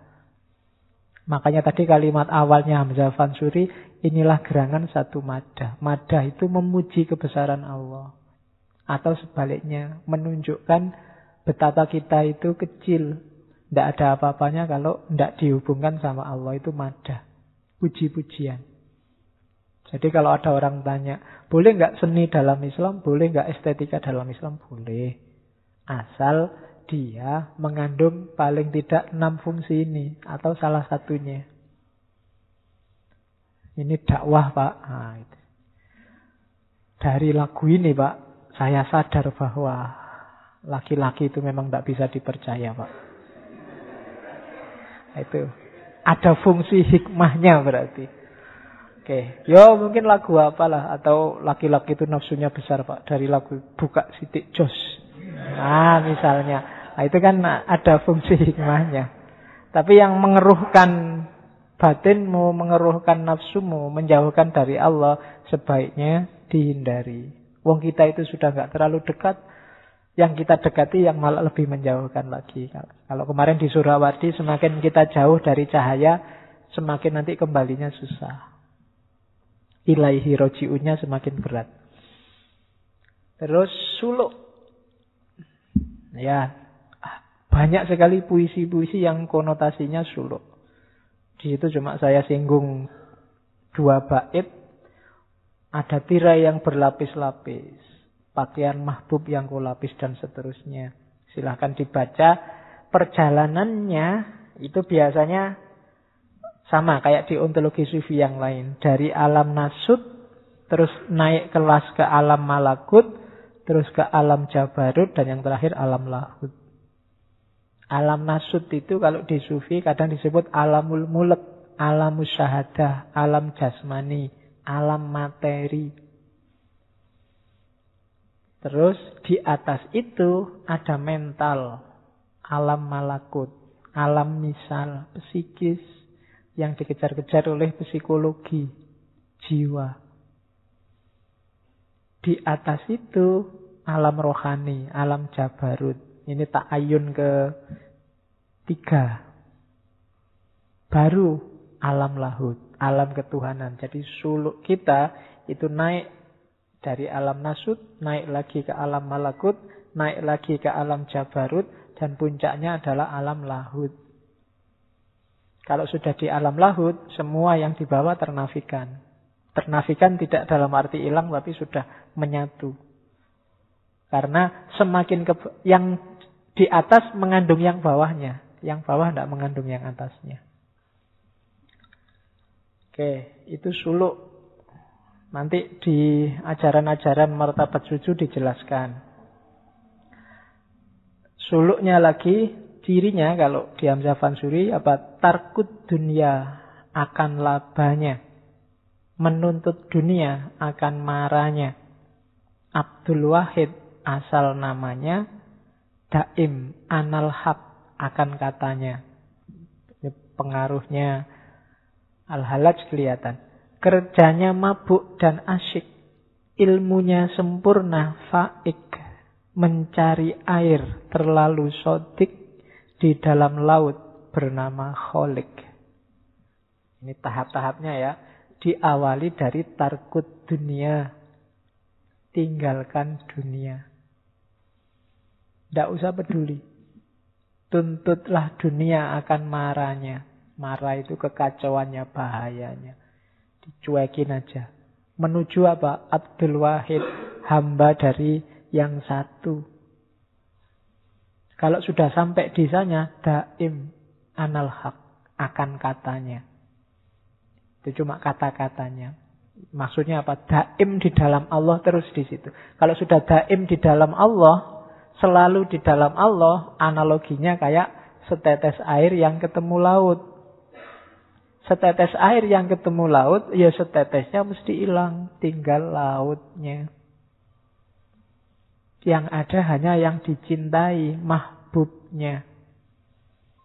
Tidak mungkin orang yang cinta itu egois. Saya sering bilang begitu. Pecinta itu selalu mikir yang dicintai. Kalau levelnya masih tawar-menawar, aku mencintaimu kalau kamu mencintaiku juga, itu belum cinta masih dagang. Ya, syukur-syukur ada labanya. Ya, cinta itu tidak ada tawar. Kamu kasih apa pun nggak masalah. Cintaku tidak berubah itu cinta. Yang ada di pikiranku bukan aku lagi. Kalau masih ngejar nyari enakku, nyari senengku, nyari puasku, belum cinta. Cinta itu yang bunyi hanya yang kamu cintai. Makanya siang malam ingat kamu, mau tidur ingat kamu, mau ngapain aja ingat kamu. Itu berarti cinta beneran. Kalau di warung yang dipikir, wah ini kalau dia senengannya ikan apa ya? Kalau di mall lihat baju bukan nyari untuk dirinya tapi oh ini kalau dia tak beliin ini mesti bagus. Selalu dia terus. Jam 12 malam sudah tidur belum? WA. Nanti pagi-pagi hari ini mau ke mana nih? Terus dia yang dipikir. Itu daim.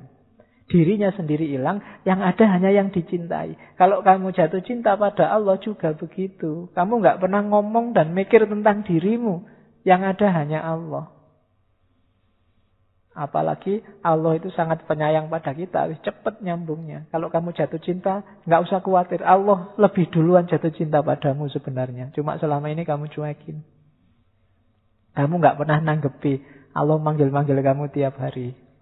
Biar kamu mencintainya. Jadi pasti kebales. Kalau kamu nembak Allah, Allah pasti balas. Ya, mesti. Nggak pernah enggak. Ya, Cuma selama ini kamu nggak pernah nembak. Allah nunggu-nunggu sejak lama. Kamu nggak pernah nembak. Nah, kalau sudah jatuh cinta jadi satu, saking suwenengnya, kadang-kadang keluar kalimat-kalimat yang ya memang dicerna akal tidak nyambung. Kayak kamu jatuh cinta sampai bilang, belahlah dadaku. Tingginya gunung akan kudaki. Lautan ku seberangi. Wong renang aja ndak bisa. Nah, itu kan kalimat-kalimat satohat namanya kalau di sufi. Orang ngelantur saking senengnya. Termasuk anal hak. Daim anal hak. Jadi membacanya jangan letterlek saya bilang tadi. Ada konteksnya. Konteks orang yang jatuh cinta. Tidak bisa dipakai orang yang tidak jatuh cinta yang bisa make harus ngalami sendiri langsung. Tidak bisa. Kalau kamu tidak pernah ngapa-ngapa tiba-tiba Pak anal hak akulah Tuhan. Prek. Tidak. Tidak begitu. Jadi harus harus ada lakunya dulu. Ya. Jadi ada cirinya. Kalau sudah daim di dalam Allah, kerjanya mabuk dan asyik. Nah, ini bukan koplo ya mabuk dan asyik itu ya mabuk Allah asyik di dalam Allah. Jadi asyik itu kerinduan yang meluap-luap. Pokoknya tiap hari I miss you tapi pada Allah. Kayak kamu statusmu di WA WA itu loh. Miss you, love you dan seterusnya. Nah itu asyik dan mabuk. Mabuk itu kan teler. Orang mabuk itu kan diajak ngomong tidak bisa. Mabuk Allah berarti apa? Yang lain tidak penting, yang ada hanya Allah. Pokoknya hanya Allah saja. Oke, orang yang sudah nyampe level ini karena dirinya sendiri hilang, yang ada tinggal Allah, maka ilmunya sempurna, faik. Karena dia sudah bersatu dengan yang maha ilmu. Yang bunyi sekarang yang maha ilmu. Kalau dia bicara Allah jadi mulutnya, kalau dia berjalan Allah jadi kakinya. Mencari air terlalu sodik. Ini kebenaran yang sejati, hakikat. Di dalam laut bernama Kholik. Di dalam Allah. Oke, jalannya tetap sama. Syariat Muhammad jadi awalnya. Ambilkan suluk. Ilmu hakikat, Yogja bertubuh dan seterusnya. Nafsumu Yogja bunuh tadi itu sudah. Nah, terakhir ya. Ini tamsil. Ini mungkin yang suka dengan Hamzah Fansuri. Ada banyak tamsil dia. Isyarat-isyarat. Ada isyarat anak dagang. Anak dagang itu ya pedagang. Kita hidup di dunia ini kayak anak dagang. Orang bisnis. Kalau dulu kan bisnis itu bisnis keluar daerah kayak zaman Nabi Muhammad bisnis ke Syam, bisnis itu bisnis. Kita ini di dunia ini kayak anak dagang.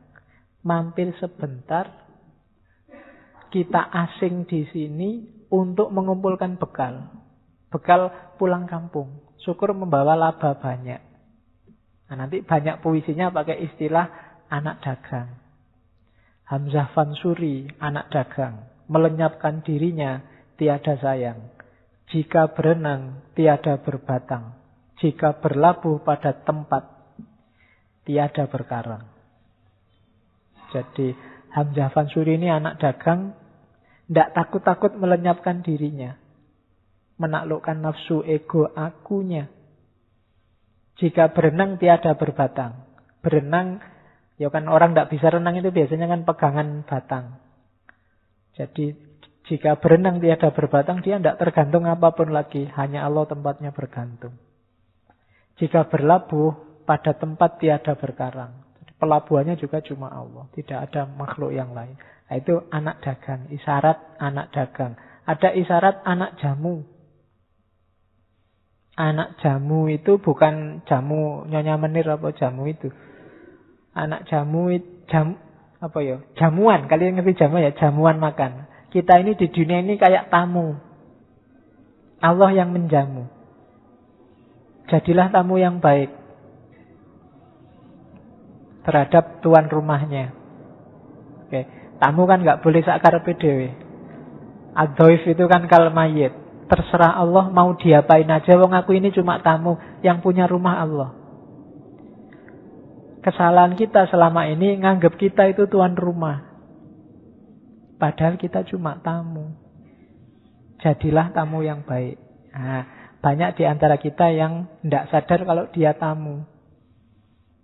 Karena nggak sadar dia tamu, merasa yang punya rumah. Terus sakar PDW. Nah, peduli sama yang punya rumah. Anak datu. Anak datu itu ya datu itu ratu. Anak raja karena kita hambanya Allah. Anak ratu. Orang Uryani tadi. Manusia yang telanjang. Ada sairnya yang judulnya Sair Burung Pingai. Di situ ada kalimat unggas kudusi. Unggas kudusi itu burung suci. Ini istilah yang banyak dipakai oleh tokoh-tokoh sufi. Burung perlambangnya roh suci. Unggas kudusi itu banyak. Jadi unggas kudusi itu bukan unggas dari kudus. Jadi burung burung suci. Bahkan nanti kalau baca di tulisannya Anemari Simel itu beberapa torekot itu cara dia milih mursid itu pakai burung.